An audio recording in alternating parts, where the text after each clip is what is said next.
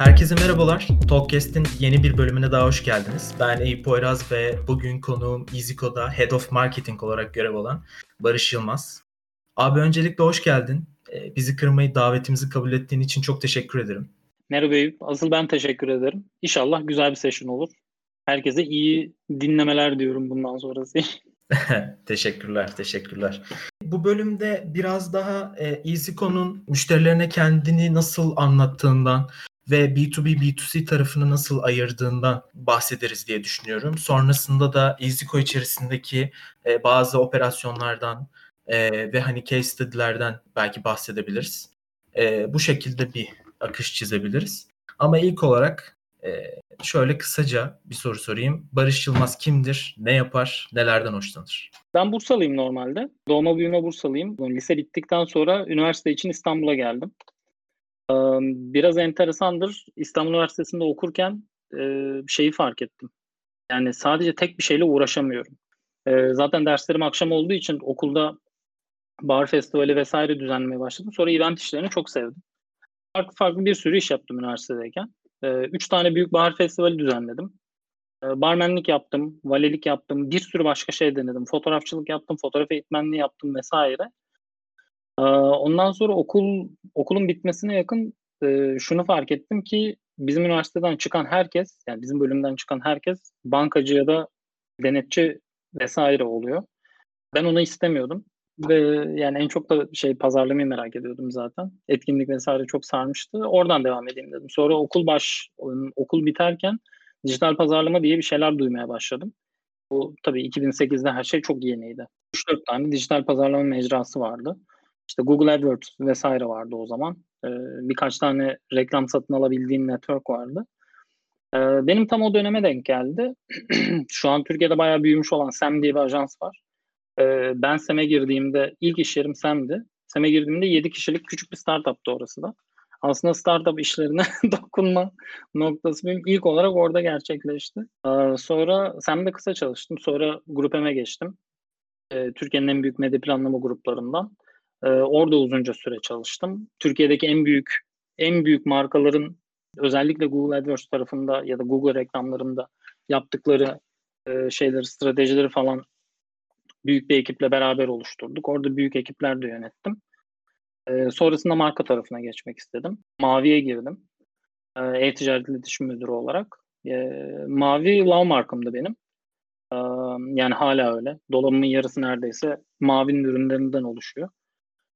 Çok seviyordum markayı ve merak ediyordum orada çalışmak nasıl diye. Sonra Mavi'ye girdim. Orada da iki buçuk sene çalıştıktan sonra teknoloji işlerini daha çok istediğimi fark ettim. Yani onu merak ediyordum özellikle. Bir teknolojik ürünün yani bir teknoloji ürününün pazarlaması nasıl yapılır? En çok yani sürekli böyle heveslendiğim konu oydu. O dönemde yani 4 sene önce Türkiye'de bir fintech hype'ı başlar gibiydi. Ee, onun böyle sinyallerini alınca fırsat da olunca Izuko ile tanıştım ve 4 senedir buradayım. Izuko'ya ilk girdiğimde ben e, Izuko tamamen B2B bir şirketti. Aslında Izuko'ya dördüncü senesinde girdim ama e, şirkete katılan 63. kişiyim ben. E, nispeten küçüktü yani. Çok daha küçük bir ofiste çalışıyorduk. O zaman Nida Kule ofisindeydik. E, scale bu kadar büyük değildi.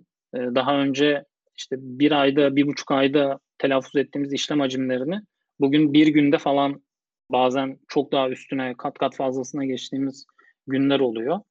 Ee, müşteri sayısı o zaman çok daha azdı. Zaman içinde büyüttük, büyüttük, büyüttük.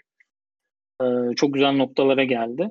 Ee, bundan sonra da aynı rapid growth'u e, gördüğümüz grafikleri elde etmeye çalışarak hayatımıza devam ediyoruz. Peki şey soracağım. E, dedin ya işte üniversite yıllarımda barmenlikte yaptım, organizasyonda düzenledim. Şeye inanıyor musun? Yani pazarlama tarafında çalışan bir insanın e, işte gözlem yeteneğinin e, üniversitede bu şekildeki etkinliklerle tanıştığı insanlarla geliştiği ve hani olayları bir anlamda tüketici ve üretici gözünden bakabildiği şeklinde. Yani bu konuda ne düşünüyorsun? Sence e, o gün yaptığın şeyler şu an senin hayatında nasıl yer alıyorlar? Ben buna çok inanıyorum. Ee, şöyle ki yani sık sık üniversitelerden öğrenciler abi gel bir konuşalım bize anlat ne yaptın nasıl oldu, biz ne yapalım vesaire diye muhabbete davet ediyorlar beni. Ee, ve hepsine şunu söylüyorum. Yani üniversite zamanında yapabildiğiniz kadar fazla şey denemeniz gerekiyor. Çünkü konu ileride yani kariyerine nasıl başlayacağını e, bulmaya çalışırken aslında kariyerimi nasıl şekillendireyim diye düşünürken kariyerimi, kariyerimi nasıl şekillendirmeyeyim diye de deneyimliyorsun. Şimdi ben ilk ilk yaptığım staj mesela sadece işte profesyonel stajlardan düşünsek TOFAŞ'a girmiştim. TOFAŞ'ın insan kaynakları e, bölümünde işte 20 gün, 21 gün kadar staj yaptım. Ondan sonra insan kaynaklarının bana göre olmadığını anladım mesela. Hani insan kaynakları departmanında insanların yaptığı işler o kadar da ilgimi çekmiyordu. Yani heveslenmedim ona. Ee, fotoğrafçılık daha çok ilgimi çekiyordu. Gittim bir fotoğrafçının yanında asistanlık yaptım. O zaman karanlık oda dersi veriyordum. Karanlık odanın içinde bulunmak Türkiye'de şu an yaşayan ya da dünyada yaşayan çok az kişi tarafından bilinen bir şey. Yani böyle çok enteresan bir meditasyondur. Böyle tarifi zor yani. Ama orada tamamen kendi elinle ortaya bir şey çıkarırsın. Ve en son o fotoğraf kağıdını tutarken suyun içinde böyle güzel güzel belirdiğini falan anlarsın. Orada farklı teknikler kullanırsın vesaire. Bu karanlık odadan kastımız şey değil mi? Ee, hani böyle çok az ve loş bir ışığın olduğu bir oda olur. Sen fotoğrafları banyo yaptırırsın ve ne bileyim yerlere asarsın sanırım. Hep film sahnelerinde görürüm yani ben de. O filmlerdeki e, romantik karanlık oda sahnesi ben yaşadım gerçek. Yani bunu deneyimlediğim için kendimi şanslı hissediyorum. Neden barmenlik yaptım? Aslında o zaman para lazımdı. Yani 3-5 böyle kursa mursa bir yerlere gitmek için para toplamaya çalışıyordum. Ama ondan ötesi enteresan geliyordu. Çünkü başka insanların ne yaptığını, başka mesleklerde çalışan insanların ne yaptığını merak ediyordum. Ve sadece deneyimlemek istiyordum.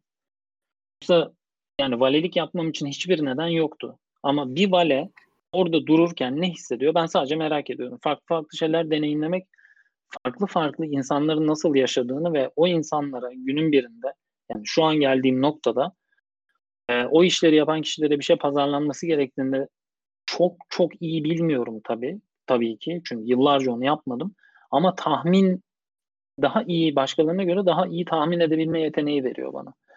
Ben şeyi savunurum mesela. Askere gitmek harbiden iyi bir şey. Egolarından, ego eğer çok kötü bir askerlik deneyimi yaşamadıysan ama. O da biraz şans işi tabii. Ama ben işte Balıkesir'in bir tane kasabasında jandarmaydım askerliğimde. Tabii ki bana bedelli denk gelmediği için askere gittim. Yoksa isteyerek gitmedim. Ama gittiğimde şunu gördüm. 6 ayda tabii ki uzundu. Yani 2 ay falan olsa ne güzeldi.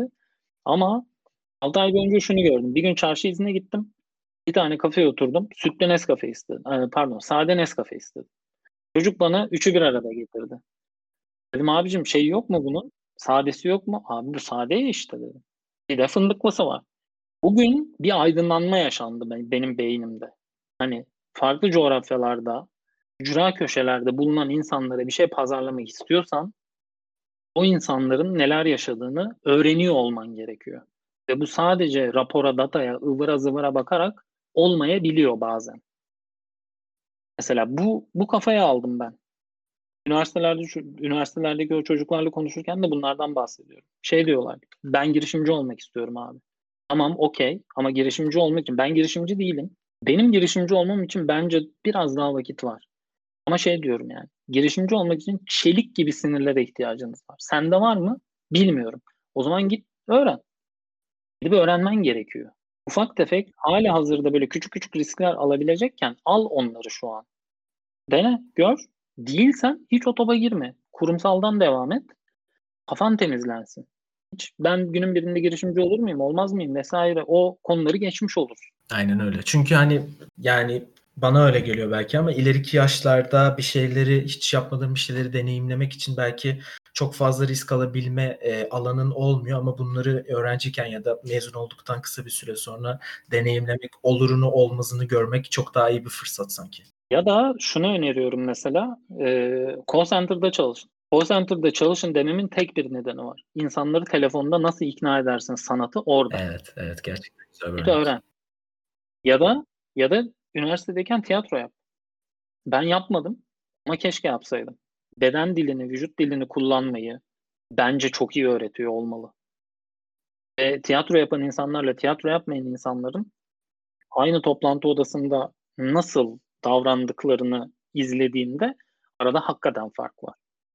İnsanların gerçekten kendine katması gereken bir şey bana göre. O yüzden ben de enteresan enteresan, daha da enteresan değil de bana o dönem fırsat çıkınca enteresan gelen şeylere atladım evet. İyi de oldu. Evet. Merakının peşinden koşmuşsun diyebiliriz o zaman. Evet aynen. Peki e, o zaman biraz yavaş yavaş e, hayattan demler vurduktan sonra e, Iziko tarafına Iziko tarafına geçebiliriz. Önce şunu sorayım.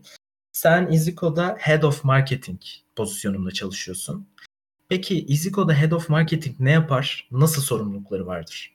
Iziko'da Head of Marketing yani e, bugüne kadar nasıldı, şimdi bundan sonra nasıl olacak onu ben size söyleyeyim. Çünkü pazarlama operasyonu birazcık biz değiştiriyoruz. E, yeni bir CMO'muz var Murat Büyükkucak. Vodafone'dan kendisi aramıza katıldı. İyi ki de katıldı. E, şimdi onunla beraber daha önce daha küçük bir operasyonduk biz. E, yani 3 ay öncesine kadar. E, ben küçük CMO gibi çalışıyordum. Bütün pazarlama ve iletişim faaliyetleri bana bağlıydı. Ondan sonra şimdi yeni bir CMO'nun gelmesiyle beraber aslında alt e, küçük departmanın altında alt ekipler kuruyoruz.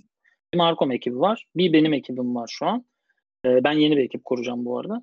E, Markom'dan haricen ben e, Izukon ürünlerinin yeni çıkan ürünlerin hangi müşteriye hangi pain point'i çözer şekilde hangi e, şeyleri özellikleri öne çıkarak götürülmesi gerekiyor. Onun araştırmasını yapıp ürün ekibiyle e, doğu ürünle tasarlanmış olan yayına giren ürünlerin e, biraz daha optimize edilip müşteriye nasıl sunacağımızın planını yapan kişiyim ben. Hı hı. Sanki ya biraz daha e, growth tarafında e, mi gibi oldu bu operasyonlar artık? Tabii growth e, yani growth ben Izuko'ya başladığımda şeydim zaten growth üzerine çalışmaya başladım. Ondan sonra o hiç hiç kesilmeden hala devam ediyor. Growth'tan kastın eğer hem B2B hem B2C e, evet şu an onlar bende. Ya bende derken ya tabii ki hani tek başıma ben growth düşünüyorum. Şirketin içinde ya da bizim pazarlama ekibinin içinde başka hiç kimse bunu düşünmüyor falan gibi bir şey değil. Ee, yani hep beraber şey yapıyoruz bunu. Ee, planlıyoruz ve execution'a koyuyoruz. Ee, ama lead eden insanlardan bir tanesi benim. Evet. Anladım. B2B, B2C demişken dedin ya işte benden önce biraz daha B2B ilerliyordu ama artık B2C e, tarafımız da var. Şimdi hem B2B hem de B2C tarafında hizmet veren bir yapıdasınız artık bundan sonra ve bunu fintech sektöründe yapıyorsunuz. İşin içine ödeme sistemleri ve yöntemleri girdiğinde kullanıcıların kafası sanki biraz karışıyormuş gibi geliyor en azından bana hedef kitlenizde nasıl bir algı yaratıyorsunuz ve kendinizi müşteri tarafında nasıl konumlandırıyorsunuz? Yani EasyCo olarak kendinizi müşteriye nasıl anlatıyorsunuz burada? EasyCo olarak biz kendimizi korumalı alışverişi ortaya koyarak, korumalı alışverişi muhtemelen biliyorsunuzdur. Ee, bu sahibinden gibi büyük marketplace'lerin sunabildiği güvenli e-ticaret modelleri var ya. Ürün ürünü sen satın alıyorsun. Ürün sana geliyor, bakıyorsun. Güzelse eğer, uygunsa parasını ödediğin şey sana ulaştığına inanıyorsan o zaman paran satıcıya yönleniyor. Bizde e, buna buna benzer şekilde çalışan korumalı alışveriş diye bir sistemimiz var. E, hizmetimiz var. Onu neredeyse iki sene önce, iki sene yaklaştı biz lanse edeli. E, onun üzerinden anlatıyoruz EasyCo'yu. Çünkü EasyCo günün sonunda birçok insan için ödeme alabilmenin en kolay yoluyken şimdi birçok insan için ödeme yapmanın ve alışveriş yapmanın en kolay yolu haline geliyor. Biz bu ikisini aynı anda anlatıyoruz. Ama e, doğru zamanda doğru e, özelliğimizi ortaya çıkararak anlatmamız gerekiyor. Bunların ortasında da korumalı alışveriş duruyor. Yani EasyCo B2B tarafında farklı farklı ödeme alma yöntemleri sunuyor. Bunlardan en son lanse ettiğimiz e, ürün Pay with EasyCo. Yani EasyCo ile öde. E, onun televizyon reklamını falan da yaptık. E, Pay Zuko temelde altında 3 tane ödeme yöntemi barındırıyor. Ya saklı kartınla ödeme yapabilirsin. Ya korumalı EFT havaleyle ödeme yapabilirsin. E, ya da Izuko, Izuko bakiyendeki dijital paranla ödeme yapabilirsin. EasyCo parandaki, EasyCo backend'deki dijital parayı e, yönettiğin uygulamanda EasyCo'nun consumer uygulaması. Bu sayede de eğer herhangi bir banka hesabın vesaire yoksa ya da banka kartın, kredi kartın yani dijital ödeme yapabileceğin herhangi bir tool'un yoksa elinde EasyCo uygulamasını indirip hemen zaten 2 saniyede üyelik açıp sonra e, gidip anlaşmalı bir yerden paranı yüklediğin zaman EasyCo backend'de paran olmuş oluyor. Ve 50 binden fazla e, EasyCo ile öde geçen online alışveriş noktasında kredi kartın, banka hesabın vesaire olmadan alışveriş yapabiliyorsun. Tamamdır. Çok güzel. Ee, şöyle bir soru sorayım. Peki İziko'ya girdiğinden itibaren pazarlama operasyonlarında ne değişti? Yani gerçi az önce bunun cevabını artık B2C tarafında da ürünlerimiz var şeklinde e, kısaca bahsettin. Peki şunu sorayım e, daha detaylı. Şöyle bir problemimiz ya da hedefimiz vardı ve bu şekilde yol izledik diyebileceğin spesifik bir vaka var mı? E, sen şirkete dahil olduktan sonra ve senin karşına çıkan. Ben şirkete ilk dahil olduğumda e, EasyCode sadece B2B hizmet veren bir firmaydı.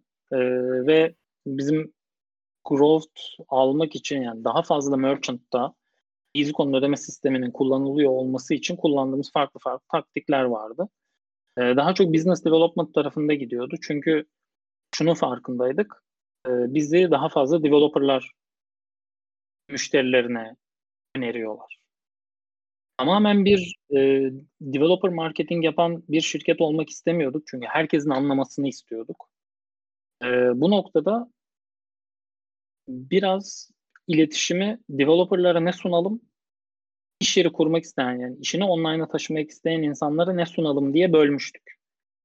Web sitesi daha fazla developer e, ziyareti alıyor olmasına rağmen aslında e, iş yeri sahibine, online esnafa ya da işini, işini online'da dönüştürmek isteyen kişilere e, iletişim yapan bir web sitesi halin, haline getirdik. Sen bir web sitesi yaptırmak istediğinde daha doğrusu birçok insan web sitesi yaptırmak istediğinde eğer e-ticaret sitesi kurmak istediğinde e, bir developerla çalışıp ona şey soruyorlar. E, biz hangi ödeme sistemini kullanacağız? Biz nereden ödeme alacağız? Onu soruyorlar. Biz de o dokümantasyon konularına çok odaklanmıştık. Biz dokümantasyonu şu an sektördeki en iyisi diye biliyorum. Aldığımız yorumlardan kaynaklı. Ama bir yandan da web sitesinin konuşmasını istediğimiz kişiler iş yeri sahipleri. Bu iş yeri sahiplerinin anlayabileceği kadar teknik olmayan içeriklerde biz işi ve akışları yaptığımız işi onlara tanıtmaya çalıştık. Teknolojide nerelerde ayrış, ayrışmaya çalıştığımızı e, onlara düzgün anlaşılır şekilde göstermeye devam ettik. E, blog postları paylaştık. Farklı farklı partnershipler yaptık. E, ve iş zaman içerisinde zaten büyüdü. Yatırımları da arttırdık. Ama şu an geldiğimiz pazarlama 2000'in yani 3 sene öncesiyle tabii ki alakası yok. Ya bizim için mesela şey growth sorularına gelmedin ama o dönem en önemli konulardan bir tanesi şuydu. Şunu hayal ediyorduk. İşini birisi bir e-ticaret sitesi kurmak istiyorsa bir girişimci herhangi bir şekilde zorlanmadan ve kod yazmadan online ödeme alabilmeye başlaması gerekiyor. O yüzden Ideasoft gibi, Tgmax gibi, Tsoft gibi e, hazır e-ticaret paketi partnerlarıyla instant onboarding çalıştık. Mesela şu an bile mesela orası çok büyük bir kolaylıktı. Hala da devam ediyor. Oradan on binlerce insan geldi.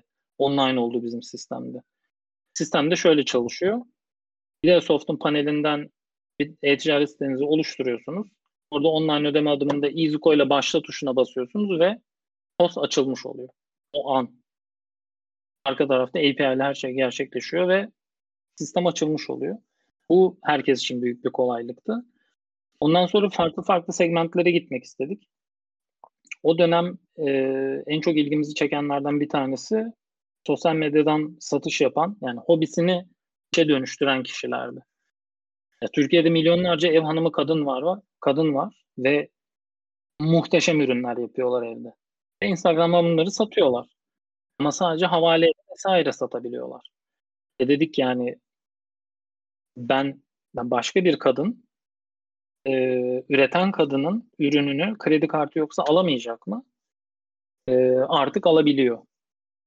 Önce EasyLink'i kurduk. Ondan sonra bu EasyCo öde dediğim sistemi EasyLink'in içine entegre ettik. Şu an siz bir link paylaştığınızda banka hesabı olmayan insanlar da e, ürün alabiliyorlar, alışveriş yapabiliyorlar rahat rahat. Ondan sonra korumalı alışveriş gelmişti. Korumalı alışverişte bahsettiğim gibi bizim şu anki merchant kitlemizin yani EasyCo'yu EasyCo ile çalışan on binlerce web sitesinin e, arkasında aslında 2-3 kişilik operasyonlar da var. Böyle firmalar da var. E, ve bu kişiler bazen iş yoğunlukları nedeniyle yani belli dönemlerde müşteri hizmeti veremeyebilirler. Aslında çok dürüst bir satıcı. Herhangi bir problem yok. Yaptığı ürünler çok düzgün. Fiyatlaması çok düzgün. Yani web sitesi tasarımından başkaları kadar iyi anlamıyor olabilirler. Web sitesindeki küçük küçük aksaklıklar, bozukluklar, CSS şeyleri, kırılmaları vesaire o web sitesini ziyaret eden tüketici de acaba mı sorusunu uyandırabiliyor. O noktada işte zaman içerisinde İziko'yu, İziko'nun logosunu biz bir güven damgası gibi konumlamaya gayret ettik. Ve İziko korumalı alışverişi web sitelerine küçük bir overlay olarak eklemeye başladı. İnternetten alışverişe karşı mesafeli olan, imtina eden birisi o web sitesine geldiği zaman eğer siteye güvenmiyorsa ya da daha önce herhangi bir arkadaşından referans almadıysa İziko korumalı alışveriş overlay'ini görüyordu orada. Ha, bu web sitesinde İziko geçiyormuş tamam. Okey deyip orada e, siteye karşı, o domaine karşı güven seviyesi artarak daha fazla alışveriş yapabilmeye başladı. Böyle böyle böyle böyle aksiyonlarla aslında e, sürekli büyüttük konuyu. Hani dedin ya yani sizin müşteriniz baktığımız zaman ödeme almak isteyen taraf işte bir satıcı Instagram'dan veya e, farklı sitelerden. Ama dedin ya hani e, hani o e, satıcının sitesinde bir e, EasyCo anlemi olduğunda e, hani alıcı buna güvenebiliyor ve e, o aksaklıklara rağmen devam edebiliyor. Yani şimdi müşteriniz aslında asıl para kazandığınız kişi mi diyeyim? Asıl para kazandığınız kişi e, ödemeyi alan taraftayken e, bu sitede gördüğü logoyu e, iyi bir şekilde marka bilinirliği olarak e, kafasına kazıması gereken e, insan için nasıl bir strateji izliyorsunuz? Yani hani ödeme alan taraf var, ödemeyi yapan da taraf var ama ödemeyi yapan taraf aslında sizin asıl B2B tarafındaki müşteriniz değil ama o güveni de o sitede gördüğünde de onu bir şekilde e, aktarmanız gerekiyor. Burada nasıl bir marka bilinirliği çalışması yapıyorsunuz? O zaten en zor kısmıydı. Anlatabildim mi?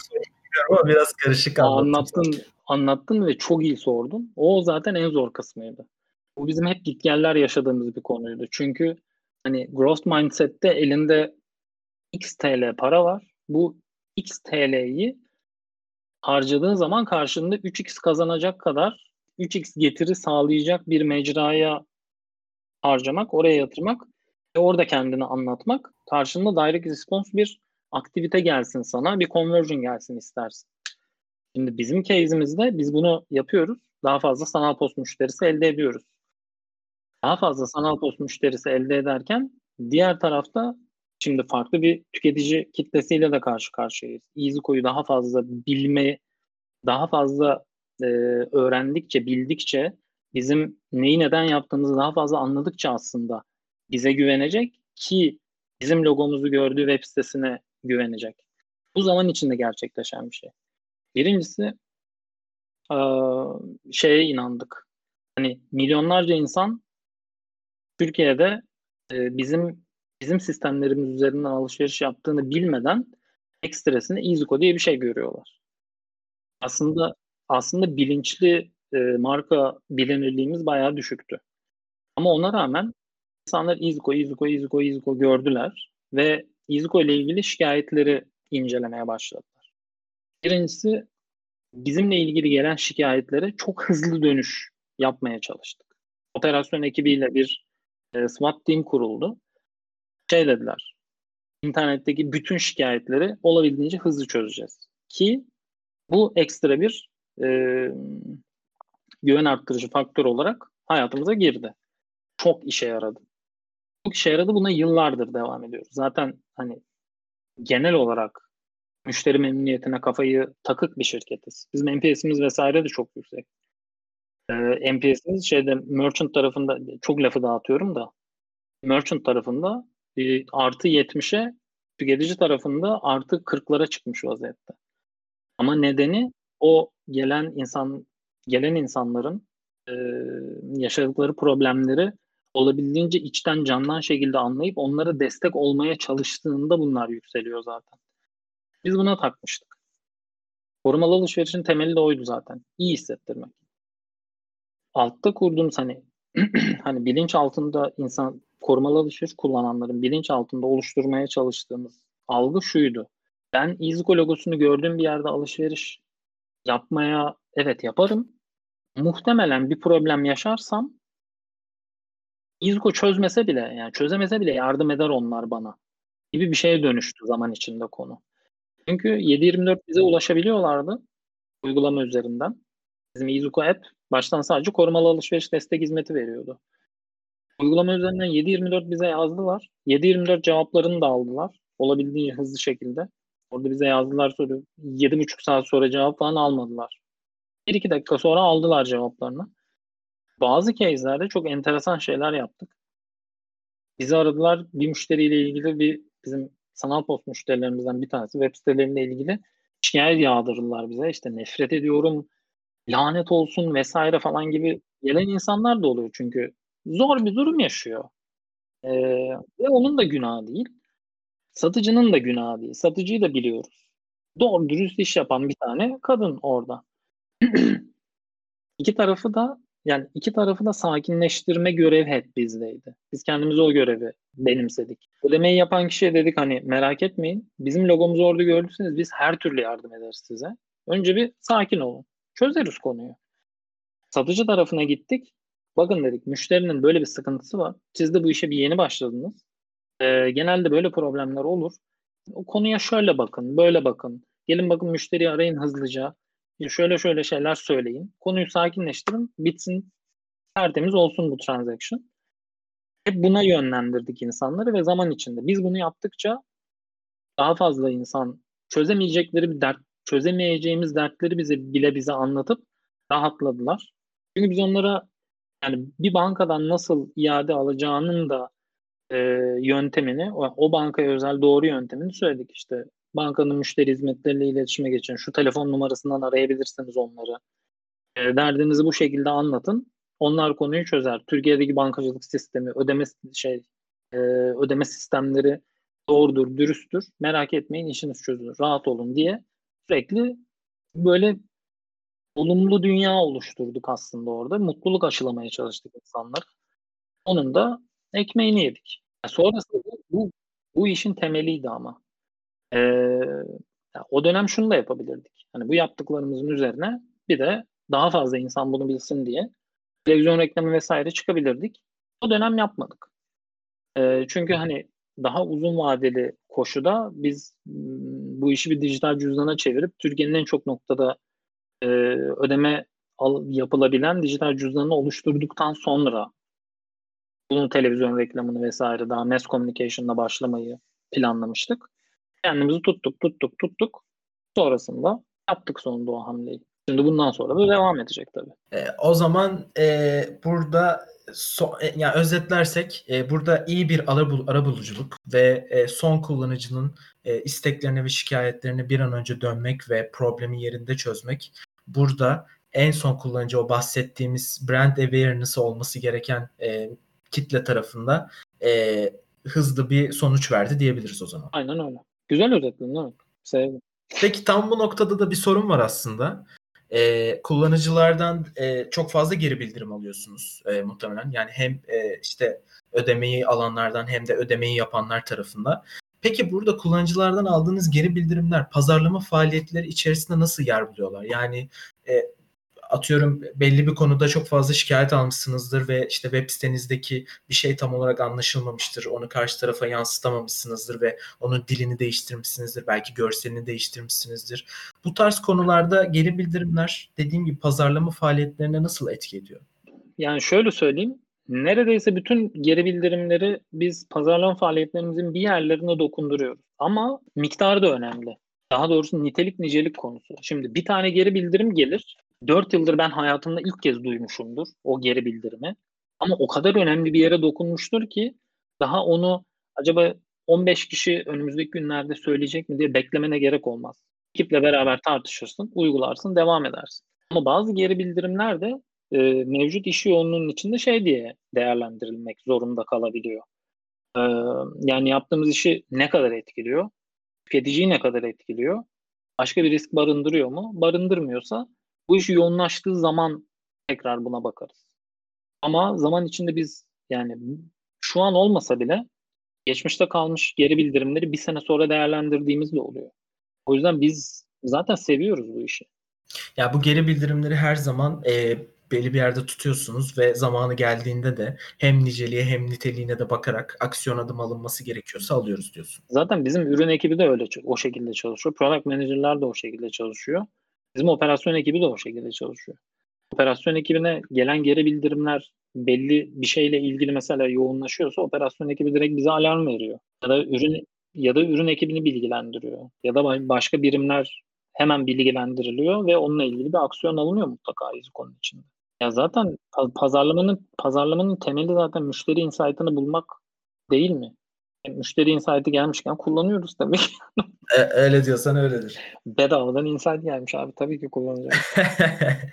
evet kesinlikle abi. Peki şimdi EasyCo içerisinde işte birden fazla e, ürününüz var işte dediğimiz gibi B2C tarafında ve B2B tarafında. B2B tarafında ödeme almak isteyen bir insanı e, kullanmaya başladıktan sonra B2C tarafında ya bak bir de bizim böyle bir ürünümüz var şeklinde yani müşteri EasyCo ekosistemine girdiğinden itibaren diğer ürünlerinizi e, de kullanmaya yöneltmek için nasıl aksiyon adımları alıyorsunuz? Yani nasıl e, hem EasyCo'yla e, yaptığı işten para e, alsın, ödemesini alsın hem de işte e, diğer tarafta da para transferlerini de işte kartsız bir şekilde e, kişiler arasında da e, gö- gönder gö- göndersin e, tarzındaki e, yolculuğu nasıl tasarlıyorsunuz? Şimdiye kadar ona özel herhangi bir bir aktivasyon yapmadık açıkçası. Çünkü şöyle bir şey var. bizimle çalışan iş yeri sahipleri gün içerisinde işiyle ilgilendiği zamanlarda zaten bizim business müşterimiz. Merchant'ımız. Diyelim dükkanını kapattı ya da bilgisayarını kapattı. Alışveriş yapacak ya da bilgisayarı kapatmadı bile. İşle alakalı çalıştığı uygulamaları kapattı. E-mail'i falan aşağı aldı. E, açtı bir tane browser. Alışverişe başladı. Zaten bizim müşterimiz. Zaten bu ekosistem içerisine direkt dahil oluyor diyorsun. Ya hem ekosistem içerisinde dahil oluyor hem e, biz insanlara özellikle işte para harca falan gibi bir iletişimimiz bizim yok. İşte para harca şunu kazan, para harca bilmem ne, para harca öyle olsun, böyle olsun, şöyle olsun falan diye bir iletişimimiz bizim yok. Biz şu, biz şunu diyoruz. Para mı harcayacaksın? Alışveriş mi yapacaksın? Bizde daha kolayı var. İstersen gel. Yani bizce gel. Böyle söyleyince benim de gidip bir Iziko'dan e, hesap aç açısım gelmedi değil açıkçası.